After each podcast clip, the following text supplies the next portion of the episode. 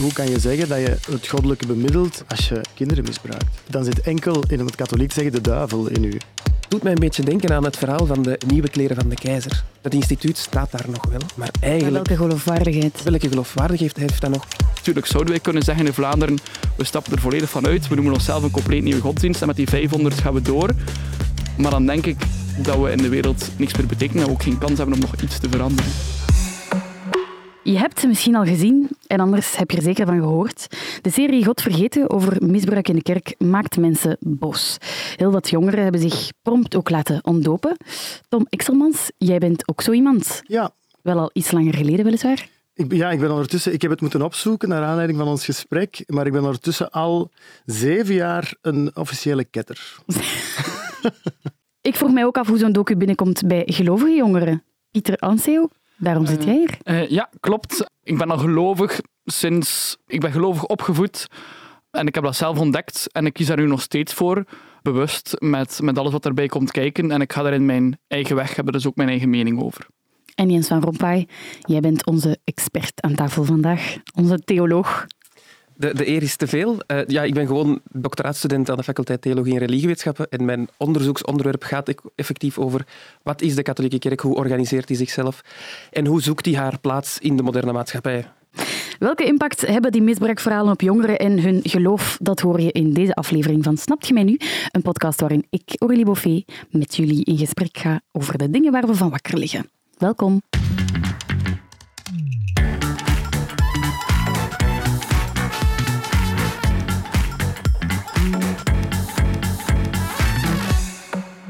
Wie heeft er de serie God Vergeten gezien? Een serie waarin we slachtoffers van eh, misbruik binnen de kerk zien getuigen.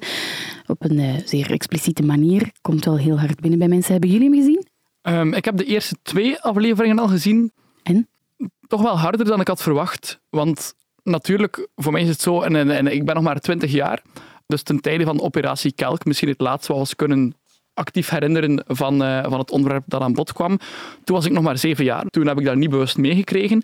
En ergens, zowel als jongeren als gelovige jongeren of niet gelovige jongeren, weet je wel, misbruik in de kerk, dat was een ding, dat is een ding. Het onderwerp is u niet onbekend.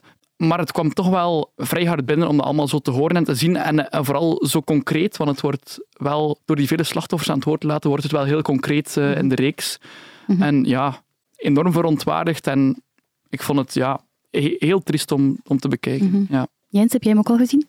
Ja, dus ik heb ook de drie afleveringen gezien.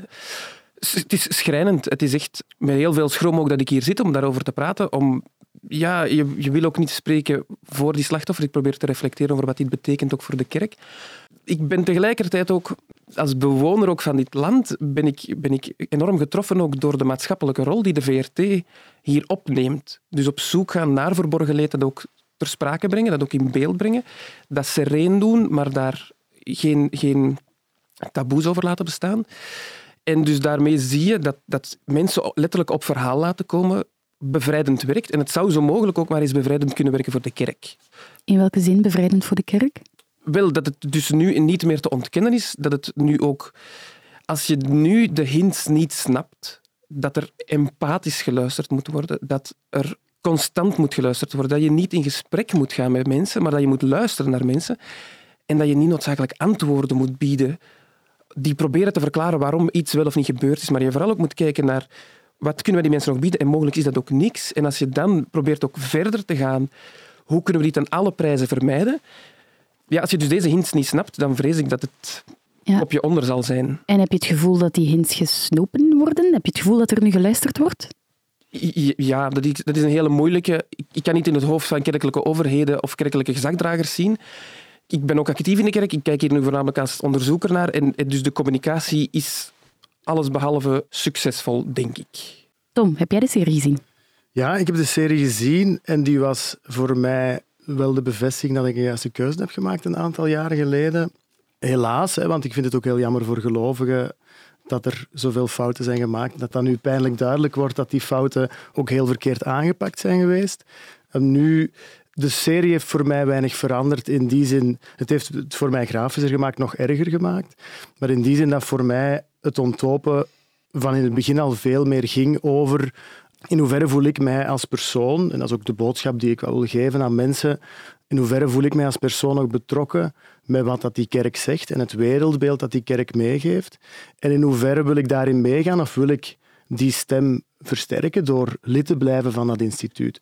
In dat opzicht heeft de documentaire het eh, voor mij weer helderheid gegeven, maar verandert dat mijn, mijn idee niet. Ik denk dat je moet starten vanuit een, een wereldbeeld en, een, en een, een instituut dat je wel of niet wilt steunen, waar je lid van wilt zijn.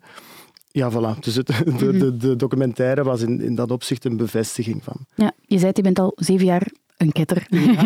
Ehm, wat was voor jou de concrete aanleiding om jou te laten ontdopen? Is er iets dat je hebt gezien, gehoord, of is het echt zo dat maatschappelijk idee van hier wil ik niet meer bij aangesloten zijn? Ja, het zijn, het zijn meerdere factoren. Het is enerzijds het maatschappelijke. In 2016, eigenlijk 2015, kwam de film Spotlight uit. Dat is een film die gaat over de Boston Globe die het kerkelijk misbruik aan het licht probeert te brengen en die heel hard gehinderd wordt door alles wat dat klericaal, maar zelfs overheidsgebonden is. En na die film te zien, heeft ook een Oscar gewonnen, heel goede film, dacht ik, oké, okay, ik ga, ik wil hier echt geen deel van uitmaken. Ik wil op geen enkele manier bevestigen of laten zien dat ik akkoord ben met wat daar gebeurt. Mm -hmm. En anderzijds natuurlijk ook heel persoonlijk. Ik ben zelf samen met een man. Uh, de kerk is nog altijd niet echt een instituut dat heel veel appreciatie toont naar mensen die op hetzelfde geslacht vallen, naar transgenders, maar bij uitbreiding ook naar vrouwen bijvoorbeeld. De paus is een man, alle kardinalen zijn een man, alle bisschoppen, er zit nergens een vrouw in het bestuursorgaan. Dus naar heel veel groepen is de kerk gemeen. Dus ook daarvoor heb ik gedacht, oké, okay, ik trek de stekker eruit en mm -hmm. ik ontdoop mij of treed uit. Hè. Mm -hmm. En ben je ooit gelovig geweest? Nee, ik ben nooit echt gelovig geweest. Nu, ik kwam wel uit een... Mijn gezin was ook niet heel gelovig, maar mijn grootvader, mijn grootouders wel. Mijn grootvader speelde orgel in de kerk. Um, was daar de koster, zoals het aan de Kempen zeggen. Ik weet niet dat dat iets is, dat, een woord dat bestaat buiten de Kempen. Ja. ja.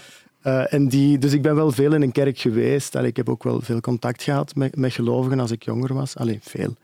Maar zelfs mijn grootvader zei op het einde van zijn leven, ze hebben ons allemaal nogal wat wijs gemaakt. Dus dat, dat was ook dat zijn conclusie ja. na jaren in dienst staan van de kerk. Pieter, snap je dat? Er zijn heel veel jongeren die zich nu ook laten ontdopen. Nee, ik snap zeker dat mensen die keuze maken en uh, het is een persoonlijke keuze voor iedereen.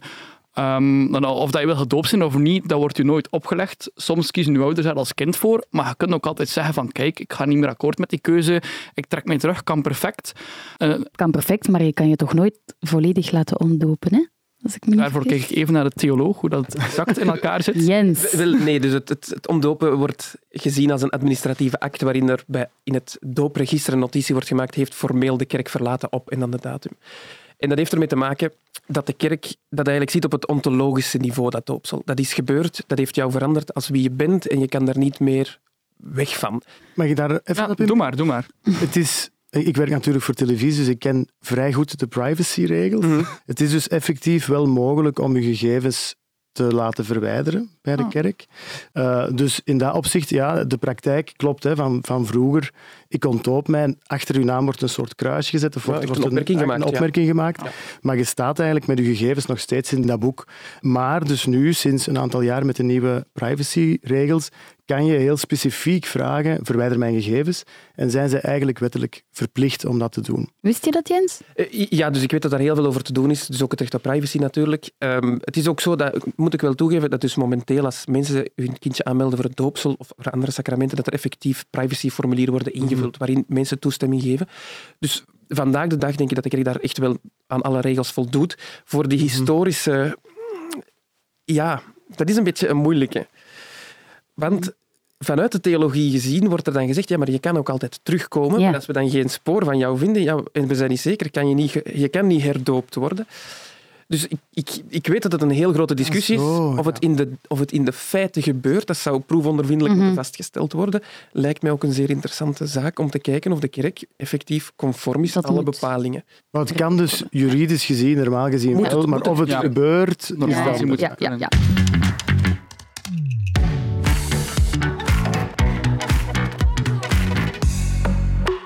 Pieter, die verhalen die nu naar buiten komen, we wisten dat ergens wel al. Dat wordt nu heel duidelijk. De komst van die documentaire heeft een impact op jou als gelovige. Durf jij nog even goed zeggen aan mensen? dat je een christen bent, dat je praktiserend bent, dat je ook verbonden bent met de kerk, want jij zit in een scouts, denk ik, die... Uh, plus 13 Roeslaar, een christelijke jeugdbeweging. Ja. Je kunt het vergelijken met de Scouts of Giro. Alleen proberen wij nog aan jongeren eh, ook iets van, een- iets van christelijk geloof mee te geven. Ja. Maar inderdaad, ik, ik voel wel niet zozeer van andere mensen, maar er zijn veel mensen, waaronder ik zelf ook, die nu inderdaad echt voelen van ja, wat moet ik nu? Moet ik mij schuldig voelen, mede verantwoordelijk? Omdat je, tuurlijk, als gelovige, hangt diezelfde boodschap aan. En ook al ehm ga je als gelovige niet, niet akkoord met alles wat in het Vaticaan gezegd wordt, dan heb je ook een persoonlijke mening en is je geloof heel persoonlijk, toch voelde u onrechtstreeks of rechtstreeks wel verbonden met, met wat daar gebeurt of gebeurd is, ook al was ik nog lang niet geboren. Dus ergens wringt dat wel. Maar langs de andere kant kan ik voor mezelf wel heel goed dat onderscheid maken tussen wat dat ik geloof en Maar kan je dat echt los van elkaar zien? mm, volledig los. ik stel die vraag ook aan, ook aan jou. Volledig los natuurlijk, eh, nooit 100%. Maar ik heb het al eens vergeleken met heel veel mensen in Vlaanderen houden van voetbal. Eh, dat- is een algemeen feit, maar het is nu ook geweten dat de grote organisatie, je kunt de FIFA vergelijken met de katholieke kerk, daar zijn er ook veel schandalen gebeurd, zowel in België, fraudeschandalen, omkoopschandalen, ook bij de FIFA. De FIFA die, die een WK in Qatar organiseert. Belangen niet alle vo- voetballiefhebbers, zelfs de meeste, gaan daar niet mee akkoord. Maar dat wil niet zeggen dat je ineens niet meer naar de match gaat kijken, niet meer van het spelletje gaat houden. En het is ook niet omdat er ergens in een club in Limburg bijvoorbeeld ergens door een trainer foute dingen gebeurd zijn met een kind, dat je zelf je eigen voetbalclub gaat uitschrijven. Of dat je je abonnement gaat verkopen. Dus ik denk dat dat onderscheid wel heel duidelijk is. Je moet niet, omdat je van iets houdt, wat dat in mijn geval, eh, of van velen geloven dan het geloof is, namelijk onze relatie met God, willen leven naar die waarden, dat is dan ons spelletje voetbal. Maar dat wil niet zeggen dat je met alles moet akkoord zijn, maar wat dat de grote organisatie erboven doet. En die is vrij onvermijdelijk. Je kunt moeilijk lid zijn van een supportersclub zonder dat op die manier je club aan de Belgische bond en de FIFA wel verbonden is. Of je moet al een nieuwe sport uitvinden.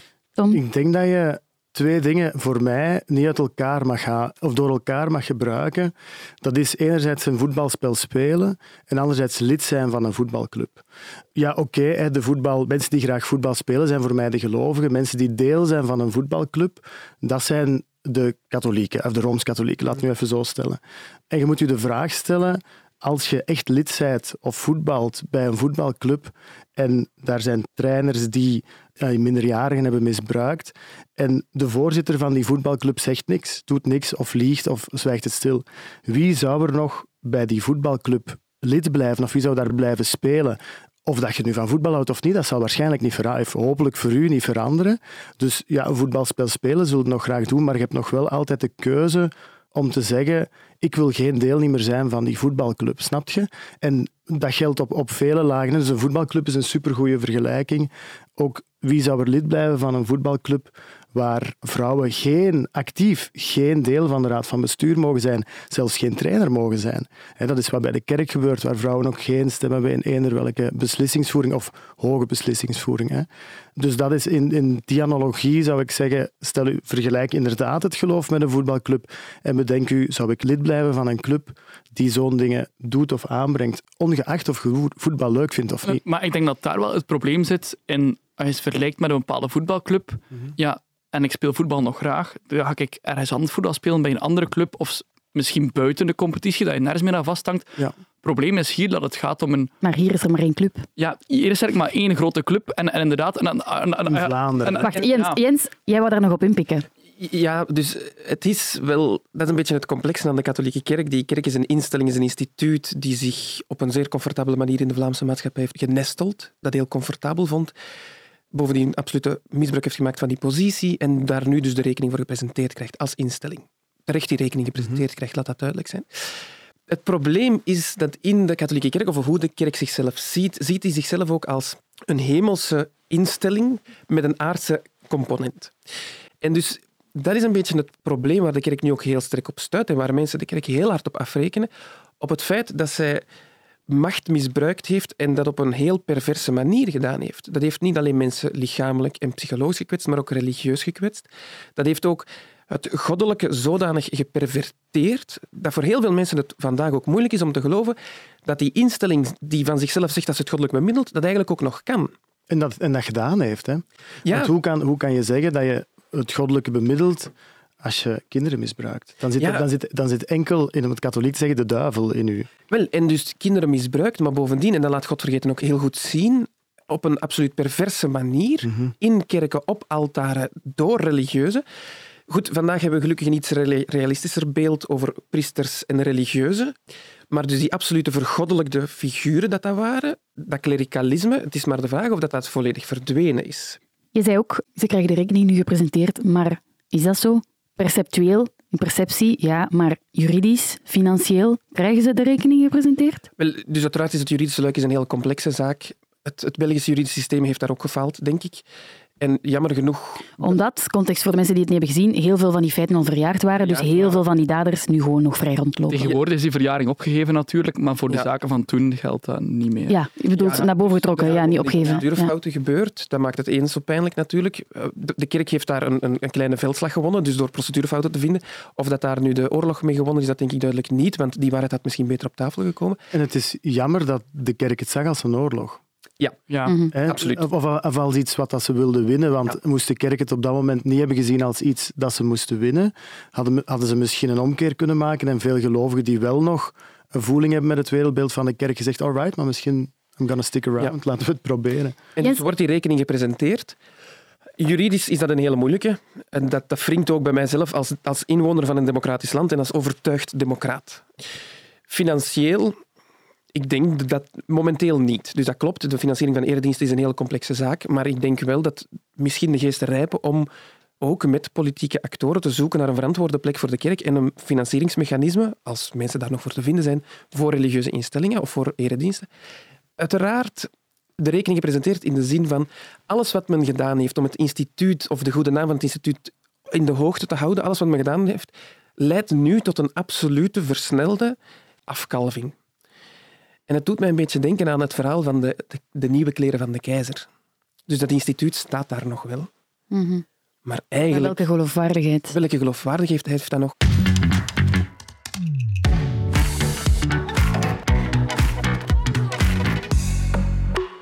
Vind het ook opvallend om te horen dat er nu heel veel mensen kwaad zijn, een degoe hebben. En tegelijkertijd, eh, jij was daar ook bij, Pieter, op de Wereldjongerendagen. Daar zijn nog nooit zoveel Vlaamse jongeren aanwezig geweest. Er worden nog steeds meer mensen gedoopt. Pieter, heb je het gevoel dat er meer mensen op zoek zijn naar die verbondenheid, naar een soort van zingeving? Ik heb wel het gevoel dat dat bij de jongeren van vandaag zeker wel het geval is. Dat ze op zoek, eh, op zoek zijn naar zingeving ergens. Dat moet daarom niet in de religie zijn, maar ik heb het gevoel dat er ergens een tekort aan aanbod is, eh, of iets in die aard. En, ik zeg zeker niet dat we terug moeten naar vroeger, waar de tijd dat iedereen automatisch gedoopt, communie en gevormd werd en had geen keuze in wat je wou geloven of, of waar uit kon zoeken. Maar ik merk wel dat, als ik dat spreek voor mijn eigen christelijke jeugdbeweging, waar we proberen dat heel laagdrempelig met onze eigen bezinningen, soms zelfs zonder een priester, gewoon zelf in elkaar gestoken, proberen we die bijbelverhalen aan te brengen.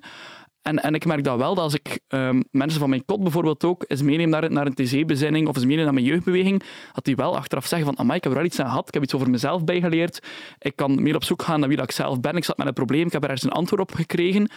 En ik merk dat ze dat gewoon ja, zowel op school niet meer meekrijgen, dat ze kunnen kennismaken met verschillende vormen van bezinning, dat ze dat thuis moeilijker meekrijgen, misschien net omdat die generatie ouders zowat een afkeer gekregen daartegen, dat weet ik niet. Maar ik merk wel dat de meeste mensen aan wie ik het aanbied of probeer een inleiding te geven, dat die, eh, die zeggen belangen niet allemaal, ah, nu ben ik gelovig, tuurlijk niet, maar die wel een manier krijgen om te ontdekken hoe dat zij spiritualiteit willen beleven. En ik denk dat dat aanbod vandaag wel heel aantrekkelijk is, dat jongeren dat echt willen, willen ontdekken en dat die daar wel dan vinden voor hunzelf wat dat, dat kan zijn. Ik denk dat de aanbod wel mag opengetrokken worden, dat we meer, dat kan een taak zijn van de kerk, maar ook van andere instituten, om meer naar de jongeren te gaan en, en hen iets aan te bieden en hen laagdrempelig te laten kennismaken met wat, op wat voor manier dat zij spiritualiteit beleven en dan kunnen jongeren zelf kiezen natuurlijk. Ja, Tom? En dan vind ik het jammer dat jullie als respectvolle gelovigen toch ergens verbinding zoeken met die Rooms-Katholieke Kerk, omdat ik dan denk, jullie kunnen dat toch beter doen. Als de ene club faalt, waarom niet iets nieuws creëren of proberen iets nieuws in gang te steken, waar je ook heel respectvol gelovig kan zijn, maar toch dat stoffig instituut, of dat instituut dat heel veel fouten heeft gemaakt, achter u kan laten. Tom, is voor jou de kerk als instituut voor altijd besmet? Maar dat is eigenlijk wel een moeilijk. Daar heb ik nog nooit over nagedacht. Het theologische antwoord daarop is volgens mij ja. Voor altijd besmet? In de zin dat de kerk als aardse instelling altijd tekort zal schieten. En dat is geen goedkoop excuus, maar dat is een diepe realiteitszin dat het een instituut is opgebouwd door mensen die dus onvermijdelijk fouten maken. En ik denk ook dat heel veel mensen op zich geen problemen met het feit dat er binnen de kerk af en toe iets fout gaat. Natuurlijk, als het zo fout loopt, moet daar ook wel de gepaste reactie tegenover op staan. En dus het is niet alleen het ontbreken van de gepaste reactie, het is niet alleen het ontbreken van nadien een gepaste reactie, maar het is het bovendien het toepassen van de omgekeerde reactie, namelijk alles willen toedekken en dat ja, tot op zijn minst toch 2010, 2015 te blijven proberen. Ik denk dat dat het fundamentele probleem is. En dat is ook, zou ook mijn antwoord zijn als waarom verlaat je het, de keet niet? Omdat ik die katholieke traditie geweldig fascinerend vind. Dat is een, een, een gigantische culturele kracht ook geweest. Heeft heel veel goed betekend. Heeft ook echt ongelooflijk zwarte bladzijden in haar geschiedenis. Allee, Staat de kerk boven de wet? Nee, is dat een, is dat een dat is voor mij zelfs Ja. geen vraag. Ja. Dat is in tijden anders geweest natuurlijk. Praktisch gezien nee. Dus, dus de officiële Belg- Belgische kerkelijke instellingen hebben behalve een kerkelijke kant van de zaak meestal ook een, een ju- civiel-rechtelijke poot. Dus meestal zijn die structuren vrij duidelijk. Dus de kerk staat niet boven de wet. Ik denk dat zij op sommige wettelijke principes mogelijk uitzonderingen heeft. Zoals bijvoorbeeld de vertegenwoordiging van vrouwen in hogere organen. Ja, kijk, dat slaagt mij toch ook met enige verbazing dat je dat verkocht blijft krijgen. Vindt de kerk dat ze boven de wet staat? In Rome wel, zou ik... Ja, ook, ook. Nee, ik denk het eigenlijk niet, omdat je dus een van de laatste wetgevingen die Paus Franciscus heeft gepubliceerd over kindermisbruik, daarin staat, klaar en duidelijk, de kerk gehoorzaamt de lokale wettelijke principes. Dat staat daar gewoon. Maar is er toch altijd vrij ongeschonden uitgekomen? Ja, ja. Maar ik denk dat het ook niet, ook niet per se de, de discussie is. Allee, natuurlijk, voor slachtoffers gaat de discussie ook over bestraffing. Hè? Ja. Ik denk voor mensen zoals mij, die ergens een overweging maken, wil ik een aansluiting vinden met dat instituut of niet, gaat het vooral over overtuiging en welk signaal Mhm. wilt je zenden. En, en voor mij was het ontlopen uitreden heel hard het, het, af, eh, het zeggen, ik, ik keur dit af en ik wil ook maatschappelijk en aan iedereen rondom mij, mijn samenleving, laten zien van kijk, alles wat hier gebeurt, alles waar het instituut voor staat, daar doe ik niet mee mee. Dat is een, een bedenking die iedereen, iedereen voor zichzelf moet maken. Pieter, vind jij dat de kerk, dat de waarden van de kerk verzoenbaar zijn met de huidige maatschappij? Ehm, aan de ene kant heb je natuurlijk een- een- een- wat de religieuze leerstoel, dus de kerk, het Vaticaan, de, de waarden daarvan, die al eeuwenlang geroeid zijn, bestaan hebben. Ja, die staan daar eens, voor mij persoonlijk, staan die toch in conflict met wat er puur in het evangelie staat. En dan staat ook nog een keer soms deels in conflict met de realiteit of de landen waarin dat je zit. Als ik bijvoorbeeld kijk naar, landen als Polen of Oost-Europa, zie je dat daar wel zowel de wetgeving als de kerk daar, ik ga niet zeggen de homohaat promoot, maar dat dat toch daar wel in beide instanties zit. Terwijl dat hier in West-Europa misschien nog enkel vanuit die kerkelijke waarden komt, maar dat je merkt dat de gelovigen zelf daar vaak niet mee akkoord gaan en zich daar wel van de, van de Vaticaan kunnen lostrekken en dan wel zeggen van kijk, hier ervaren we dat wel. Dus op dat vlak merk je wel dat wij in Vlaanderen, zelfs de jongere kerk in Vlaanderen, IED, dat die zelfs verder en moderner staat dan de gewone kerk in Vlaanderen. En die staat zelfs nog verder dan het Vaticaan. Dus denk dat dat gewoon een evolutie is. En ik denk dat je niet mag verwachten dat de, dat de wereldkerk ineens zal meegaan met wat dat een paar honderd of duizend jongeren in Vlaanderen doen. Maar wat dat wij doen is wel heel belangrijk. Ik, ik ben er trots op dat we daar pioniers in zijn. En zoals dat Jens ook zei, door net in die club te blijven, kun je maar van binnenuit veranderen. Natuurlijk zouden wij kunnen zeggen in Vlaanderen, we stappen er volledig van uit. We noemen onszelf een compleet nieuwe godsdienst en met die 500 gaan we door. Maar dan denk ik dat we in de wereld niks meer betekenen en we ook geen kans hebben om nog iets te veranderen.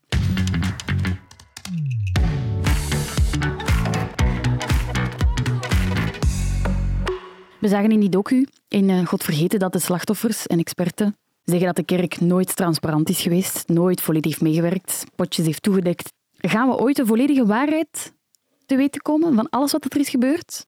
Daar, Voor mij is dit al meer dan genoeg om mijn conclusies te trekken. ja, Maar daar vrees ik persoonlijk ook Ja. voor.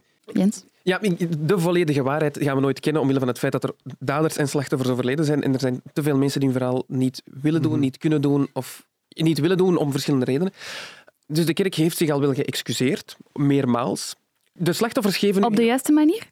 Dat is nu de vraag. De slachtoffers geven heel duidelijk aan dat er wel momenten zijn dat er geluisterd is, maar dat dat dus niet voldoende was. Ja, dan is het niet voldoende. De kerk heeft zich geëxcuseerd, heeft ook, moet je toegeven, de aanbevelingen van die parlementaire commissie gevolgd. Slachtoffers geven nu aan dat dat niet genoeg is. En dus Wat moet er dan gebeuren volgens jou?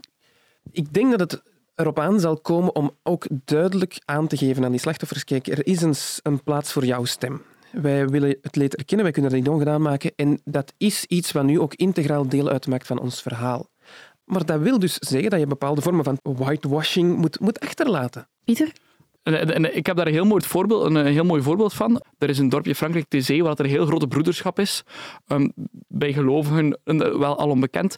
En ook daar zijn er in het verleden gevallen geweest van misbruik door broeders van Thésée. En daar hebben die broeders nu gezegd, ook broeders die er zelfs nu niks meer mee te maken hebben, jonge broeders daar, elke week, en echt elke week, is daar een moment, een workshop waarbij dat iedereen die, daar, die daartoe komt, er zijn altijd honderden pelgrims die daar verblijven, er is daar een workshop waarbij dat er een aantal broeders van hun zogezegde ivoren troon, zoals het soms genoemd wordt, stappen, um, en die het verhaal van het misbruik daar ter plekke elke week opnieuw vertellen en die vervolgens geen enkele vraag uit de weg gaan en alle vragen beantwoorden. Dus iedereen kan daar naartoe gaan en iedereen stelt ook echt die vragen. En die broeders zitten daar. Ja, dat is natuurlijk uzelf heel kwetsbaar opstellen. Die hebben er zelf niet, vaak niet mee te maken gehad, maar vertellen wel het verhaal, proberen mee naar buiten te komen. En dat is die, die authenticiteit die ik heel hard daarin bewonder. En ik zie dat als een heel mooie, mooie oproep om daar nu als, als jongerenkerk, als kerk van vandaag, aan alle nieuwe priesters, aan alle mensen die er nu bij komen, aan alle mensen die zeggen ik blijf in het clubje, om, om toch echt wel zeggen van kijk, laat ons daarop inzetten. En dat, en dat hoort het luisteraars, slachtoffers bij, maar hoort er ook bij van kijk, we gaan zelf vertellen, we gaan die zwarte bladzijden niet, niet omdraaien, niet verbergen, maar we gaan er zelf, we gaan er zelf mee naar buiten komen en daar heel open en authentiek, transparant zijn en al die vragen beantwoorden. Zijn die zwarte bladzijden volledig omgeslagen? Ik denk dat ik daar formeel in kan zijn. Daar vindt onvermijdelijk nog misbruik plaats. Net zoals in zoveel menselijke instellingen.